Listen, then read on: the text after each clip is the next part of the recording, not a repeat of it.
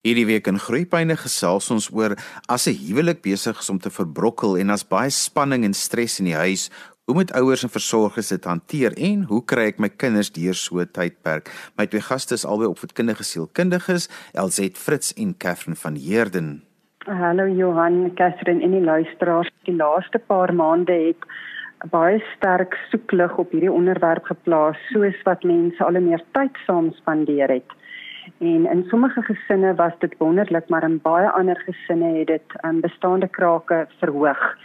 En as ons gaan dink, 'n basiese behoefte wat 'n mens het, is een van sekuriteit en van veiligheid. En die oomblik wanneer daar verhoudingsspanning intree, veral tussen die volwassenes in die gesin, dan ontneem dit alle rolspelers, maar veral die kinders van daai gevoel van veiligheid, sekuriteit en standvastigheid want dis hulle oorlewing wat daardeur geraak word. Kinders is afhanklik van volwassenes en ons weet op hierdie stadium selfs 21-jariges kan nog steeds geaffekteer raak. En ons het volwassenes wat met ons kom praat oor die impak van ouers se konflik op hulle. So des te meer hoe jonger 'n kind is.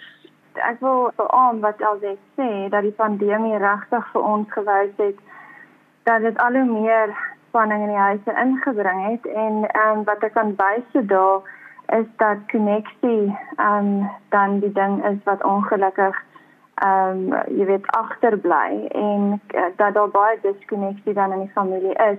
En soos wat al dit gesê het wanneer daar diskonneksie kom is dit die oorlewingsbrein wat dan geaktiveer word by kinders en dan sien jy baie jy weet emosies soos angs. So jy kry dan jy weet kinders wat kom vir angs en hulle voel hartseer, hulle voel verwerp, hulle voel nie veilig nie van die gesinsstruktuur, die familiestruktuur voel nie stabiel nie. Mamma en pappa se verhouding is ons fondasie.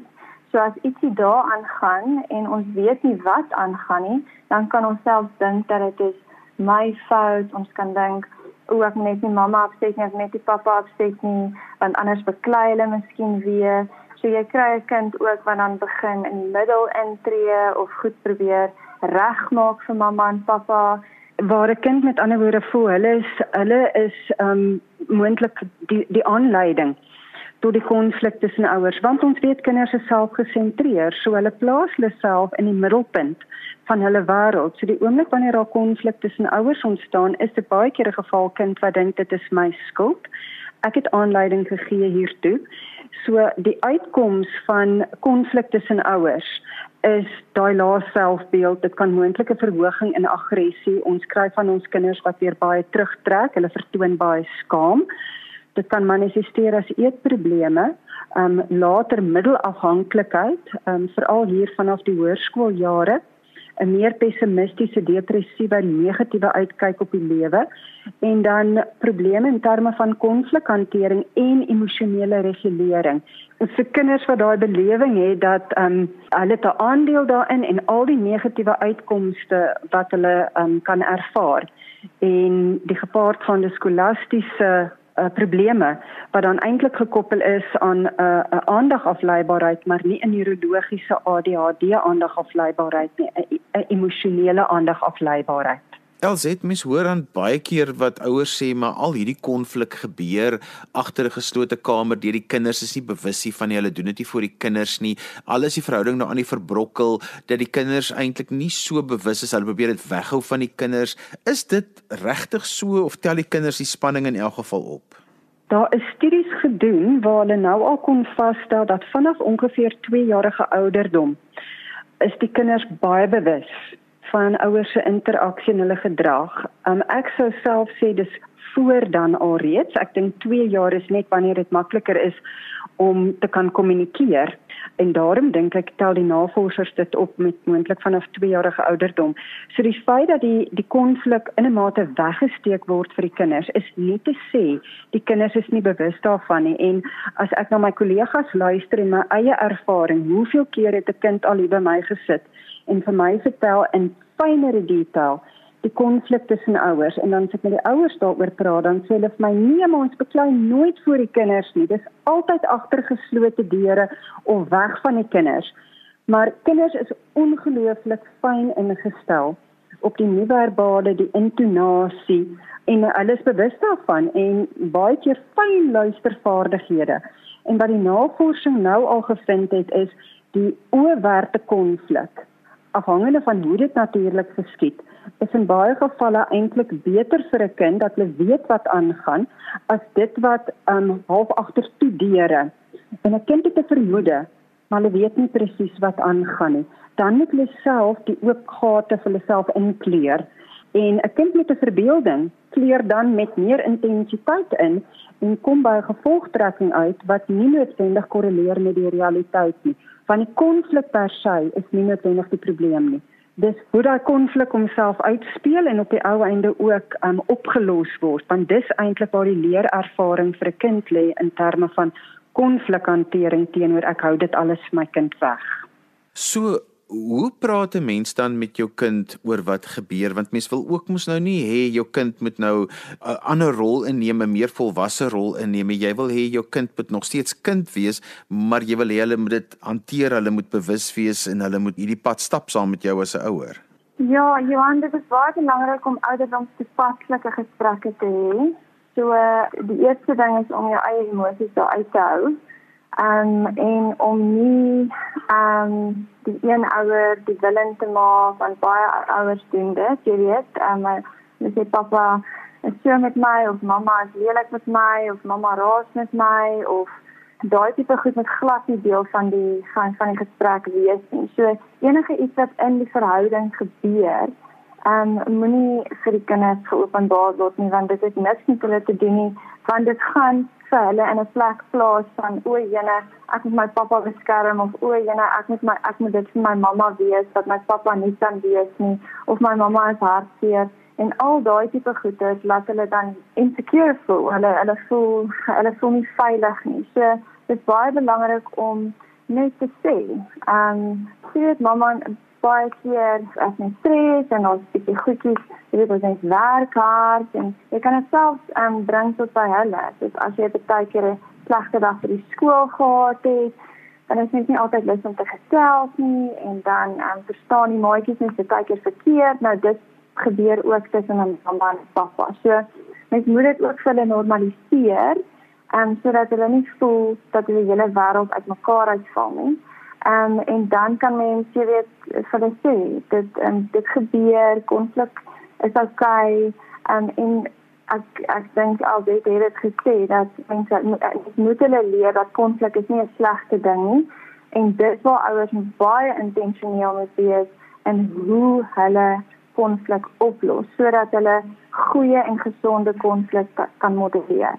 Ja, so as ek daarby kan aansluit dan dan gaan dit daaroor om vir kinders te kommunikeer. Ek en die ander ouer het 'n meningsverskil gehad en um, almal stem nie altyd dieselfde en sien nie altyd dieselfde dinge, dieselfde oog uitgangspunt, oogpunt en dit is normaal.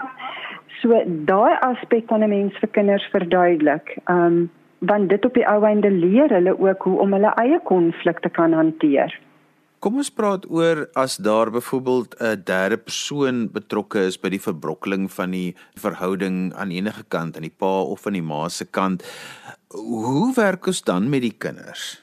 Daai is 'n kameletjie vir die volwassenes. So ek dink kom ons begin eers by die volwassenes voordat ons eers gaan kyk hoe hanteer ons dit met die kinders want jy sit met intense gevoelens van verwerping, jy sit met gevoelens van skuld En ek dink dit is ongelooflik belangrik dat volwassenes daardie nodige ondersteuning kry. Ehm um, het sy van professionele mense of ander mense wat hulle kan help om net daai gevoel van ek is nie noodwendig en al die etikette wat 'n mens vir jouself gee, die slagoffer, die skuldige, die boelie, al die etikette wat 'n mens vir jouself toeskryf en wat aan jou toegedig word.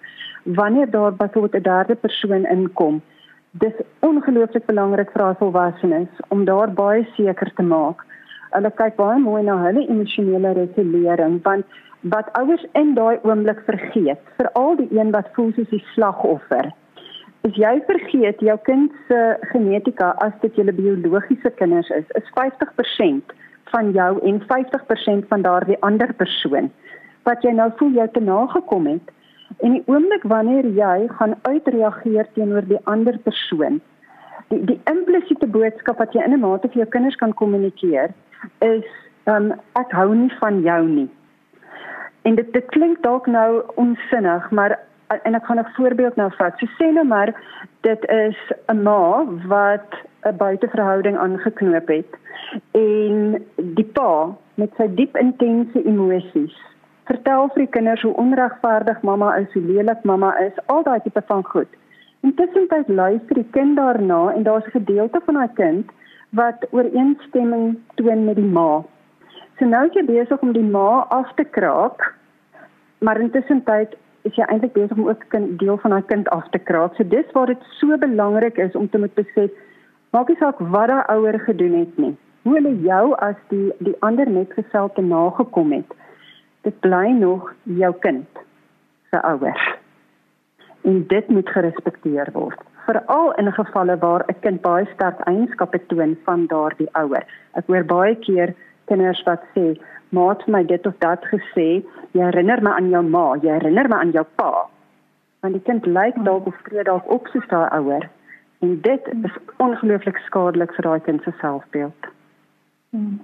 Ja ja, en ek stem heeltemal saam en as ek daar kan aansluit, dit is ook baie belangrik om nie jou kind dan jou ondersteuningsnetwerk te maak nie. Ek stem heeltemal saam met al dit dat ondersteuning vir die ouers is daar kardinaal.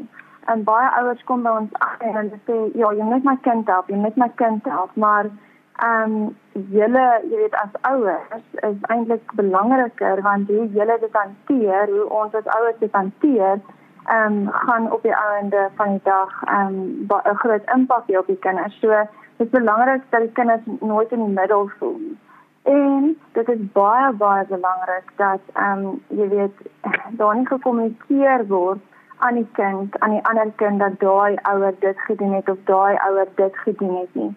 Ehm um, so wat ek altyd sê is jy weet as jy in die hof is of as jy alleen is kan julle beklei net soos wat julle wil en vir mekaar goed sê en doen net wat julle wil maar voor die kinders en wanneer die kinders by is en julle is op die foon en julle julle ehm um, jy weet ingestel het en en liggaamstaal en julle alles wat daarmee saamgaan moet net kan wees en vriendskaplik wees en ek weet julle is nie vriende nie en ons baie intense emosies Maar as dit kom met die kind, moet jy jouself vra wat is nou goed vir my kind? Is nou goed vir my kind as ek vriendelik is, as ek sê okay, dis reg, dis pappa of dis mamma en wat is lekker en dis okay. Jy weet sodat hulle nie voel dat hulle moet kant kies nie, want dit veroorsaak verskriklike emosionele ehm um, jy weet probleme vir kinders.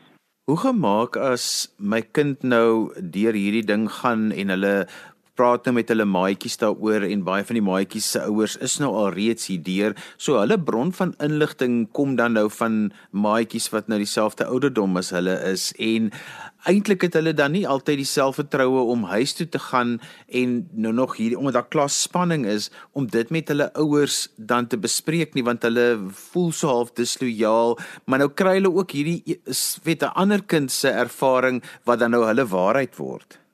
Ja, daar is baie waar. Ons kinders kry 'n bron van inligting by hulle portuïergroep waarvan ons as volwassenes baie keer nie die vaagste benul het nie. So een van die kernvrae wat ek altyd vir 'n kind vra en selfs vir volwassenes wat na na ons toe kom vir terapie, is wie of wanneer in jou lewe het jy veilig gevoel? Met wie kon jy praat? Het jy goeie advies gegee? So kinders wat die voorreg het van 'n uitgebreide gesin waar daar dalk oumas, oupas, ooms, tannies iemand is wat nogal in 'n mate 'n neutrale bron kan wees en wat hulle na hulle behoeftes kan omsien. Daai kinders is ongelooflik geseënd. Dis kommerwekkend wanneer ons werk met 'n baie klein um, gesinnetjie en daar's niemand anders met wie hierdie kinders kan praat nie want dan praat hulle soos jy sê met hulle maats en dis die bron van inligting wat hulle kry so tensy die ouers doelbewuste poging maak om met daai kinders te gesels, speletjies met hulle te speel, tyd met hulle te spandeer om te kan agterkom wat gaan in hulle kop aan. Het jy 'n idee wat is die fabrikasies wat die kind dalk opmaak en wat is die negatiewe toekomsprentjie wat hulle moontlik skep aan die hand van ander kinders se ervarings?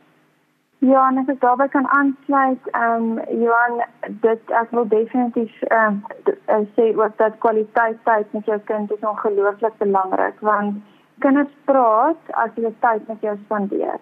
En hulle sal enigiets anders glo soos wat al sê as jy nie vir hulle jy weet as jy nie vir hulle 'n waarheid kan bring nie, as hulle nie sekuriteit het en om vir jou vrae te vra nie. En die enigste manier om dit te doen is om tyd te spandeer en te hoor en 'n veilige omgewing te skep dat daai kind kan voel net soos wat hulle wil en kan sê vir jou presies wat hulle voel. Jy weet hulle moet kan sê mamma ek kwaad vir jou want jy jy het vir pappa gelos of mamma dit of of jy weet pappa hoekom het jy dit gedoen of pappa hoekom het jy vir mamma dit gesê? Jy weet hulle moet dit kan sê. Hulle moet kan sê hulle is hartseer. So uh, hulle moet daai vryheid kan ervaar. Anders gaan dit nou daai vragies en daai gevoelens gaan dan in ander goeders in wat nie noodwendig altyd die positiewe impak op hulle het nie. En wat ons vind is dat jy weet die ouers self is so getraumatiseer dan dat ehm um, hulle en ons noem dit exit, jy weet hulle vat exit. Ehm um, daai exit is om te oorleef. So wat baie ouers dan doen is hulle is op hulle foon baie en hulle laat die kinders maar net jy weet games speel of hulle het nie die kapasiteit nie, hulle het nie die energie nie, hulle self is depressief. Ehm um, of hulle, jy weet, gaan baie uit saam met um, ander mense om om beere te kom of wat ook al daai exit nog wees. Enigiets kan 'n exit wees, maar in daai exit ongelukkig kry jou kind nie die uh, die input wat hulle nodig het. So intentionaliteit en ondersteuning is baie baie belangrik. Watter rol speel die grootouers in hierdie hele proses want baie keer is hulle betrokke. Hulle kry ook net so seer in die proses. Baie keer word die een grootouerpaar miskien uitgesny uit die hele proses uit wanneer dit gaan oor besoekregte en daai tipe van goed. En dit skep nog 'n addisionele spanning in my oë baie keer vir die kinders. Ja, die grootouers kan 'n bron van ondersteuning wees met hulle hulle eie emosies teenoor die onderskeie partye mooi kan reguleer of hulle kan die situasie baie vererger. Dit hang weer eens af van hulle eie emosionele regulering en wat is die intensie of bedoel hulle bedoeling van hulle betrokkenheid ook by die klein kinders. Ja, en ek dink die vraag is, ehm um, wat is veilig vir my kind? So ehm um, as en dit is altyd belangrik om verhoudings so ver as moontlik te behou. Um, maar wat is veilig vir my kind en wat is goed vir my kind? So as die input um, nie goed en veilig is vir die kind, die emosionele welstand op daardie stadium nie moet net maar sekere keuses maak, maar weer eens wil ons sê dat jy weet moenie kinders weerhou van 'n ouma en 'n oupa wat goed kan wees vir 'n kind omdat jy kwaad is, jy weet vir jou vir jou ex of jy wil 'n maat wat nou met jou skei of daai tipe goed nie. So ons wil jy weet consistency en so veel verhoudings as wat ons kan as kinders deur egskeiding gaan sodat hulle daai jy weet veiligheid kan behou. Ehm um, so die vraag is maar wat is veilig en wat se impak is veilig en het 'n positiewe impak op my kind? Baie mense kry dit reg na so seer tydperk in 'n verhouding om tog rondom die tafel te kan sit met die kinders en saam te verduidelik waaroor dit gaan en dit regtig te hanteer op 'n volwasse manier. Maar baie mense kan dit ook nie doen nie want die seer is te groot en die afstand is net te groot tussen hulle om dit vir die, met die kinders saam te hanteer en dinge. Wat is die ideale manier? Ek weet dit verskil van situasie tot situasie maar gee 'n bietjie wenke vir hoe ons hierdie nuus aan ons kinders kan breek Uit ons ervaring weet ons as die ouers dit wel kan regkry en dit is soos jy sê dis 'n moeilike storie om verby hulle eie seer te kyk en te kan fokus op wat is op die einde vir my kind van belang. En ek het al ouers hier gehad wat die bykans onmoontlike reg gekry het met baie moeilike omstandighede maar hulle kinders is vir hulle van kardinale belang. En omdat as beide ouers daai as fokuspunt plaas omdat dit hulle fokus is kry hulle dit dan wel soms reg om hulle eie emosies een kant te sit. Met die gedagte en ook die wete as iets met een ouer gebeur, moet die ander ouer met hierdie kinders kan voortgaan. Want ek dink dis die realiteit van veral die laaste paar maande is die kortstondigheid van 'n persoon se lewensbestaan. En met die wete kinders het meer as een volwassene nodig in hulle lewe want as iets met daai een volwassene moet gebeur wie anders gaan die kinders kan onderskep. En as jy dit in jou gedagtes kan hou, dan weet ek kry sommige ouers dit wel reg om hulle eie seer een kant te sit en en wel nog te kan kommunikeer of nie selfe vertrek te kan wees, daar's 'n groter toleransie vir die ander persoon ter wille van die kinders. Ja, ek dink al ek al dit baie mooi opgesom. Ek dink die ding wat ek net kan bysit is jy weet mense ouers sê dat dit ek sê dit altyd dis dis nie 'n kompetisie nie. Jy weet 'n mamma sal altyd 'n mamma bly en 'n pappa sal altyd 'n pappa bly. 'n Mamma kan nie 'n pappa word en 'n pappa en mamma nie. Jy weet daar is jy hoef nie te kompeteer vir jou kind se aandag en liefde nie en dit is baie beter vir jou kind om te sien dat jy weet my mamma en pappa kan saam sit en hulle kan ons verduidelik en hulle mag nog altyd in ons lewens wees en hulle hulle hulle is nog steeds maatjies en aanhalingstekens jy weet dan dit dit maak die proses vir die kinders baie makliker ons ook op hierdie stadium weet is as die konflik in 'n huwelik of in 'n verhouding te intens raak. Die navorsing op hierdie stadium het bewys dat dis nie noodwendig die egskeiding of die verbrokkeling van 'n huwelik wat noodwendig die skade berokken het. Dis die hoeveelheid argumente en die intensiteit van die emosies voor daai verbrokkeling, tydens die verbrokkeling en daarna wat die grootste skade veroorsaak. Hmm. Ons het gekom aan die einde van vandag se program.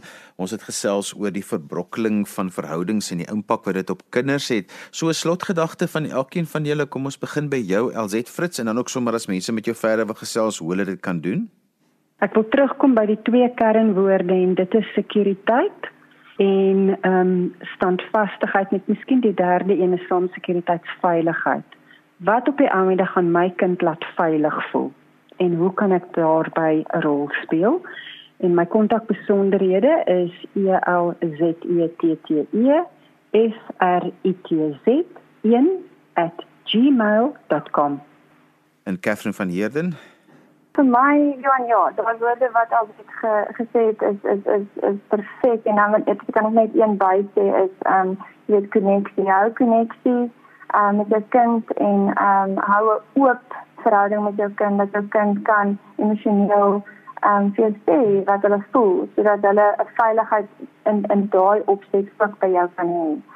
Ehm um, en ja, probeer om nie te oorkompenseer nie. Uit skuldgevoelens uit nie. Dit jy weet oorkompensering doen eintlik maar meer skade as goed. So probeer om te oorkompenseer nie.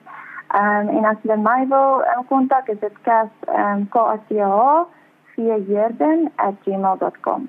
En daarmee het ons gekom aan die einde van vandag se groeipyne. Ons het gesels oor as 'n huwelik besig is om te verbrokkel en as baie spanning en stres in die huis, hoe moet ek as ouer en versorger dit hanteer en hoe kry ek my kind deur hierdie tydperk so heel as moontlik? Onthou jy kan weer na vandag se program luister as 'n pot gooi.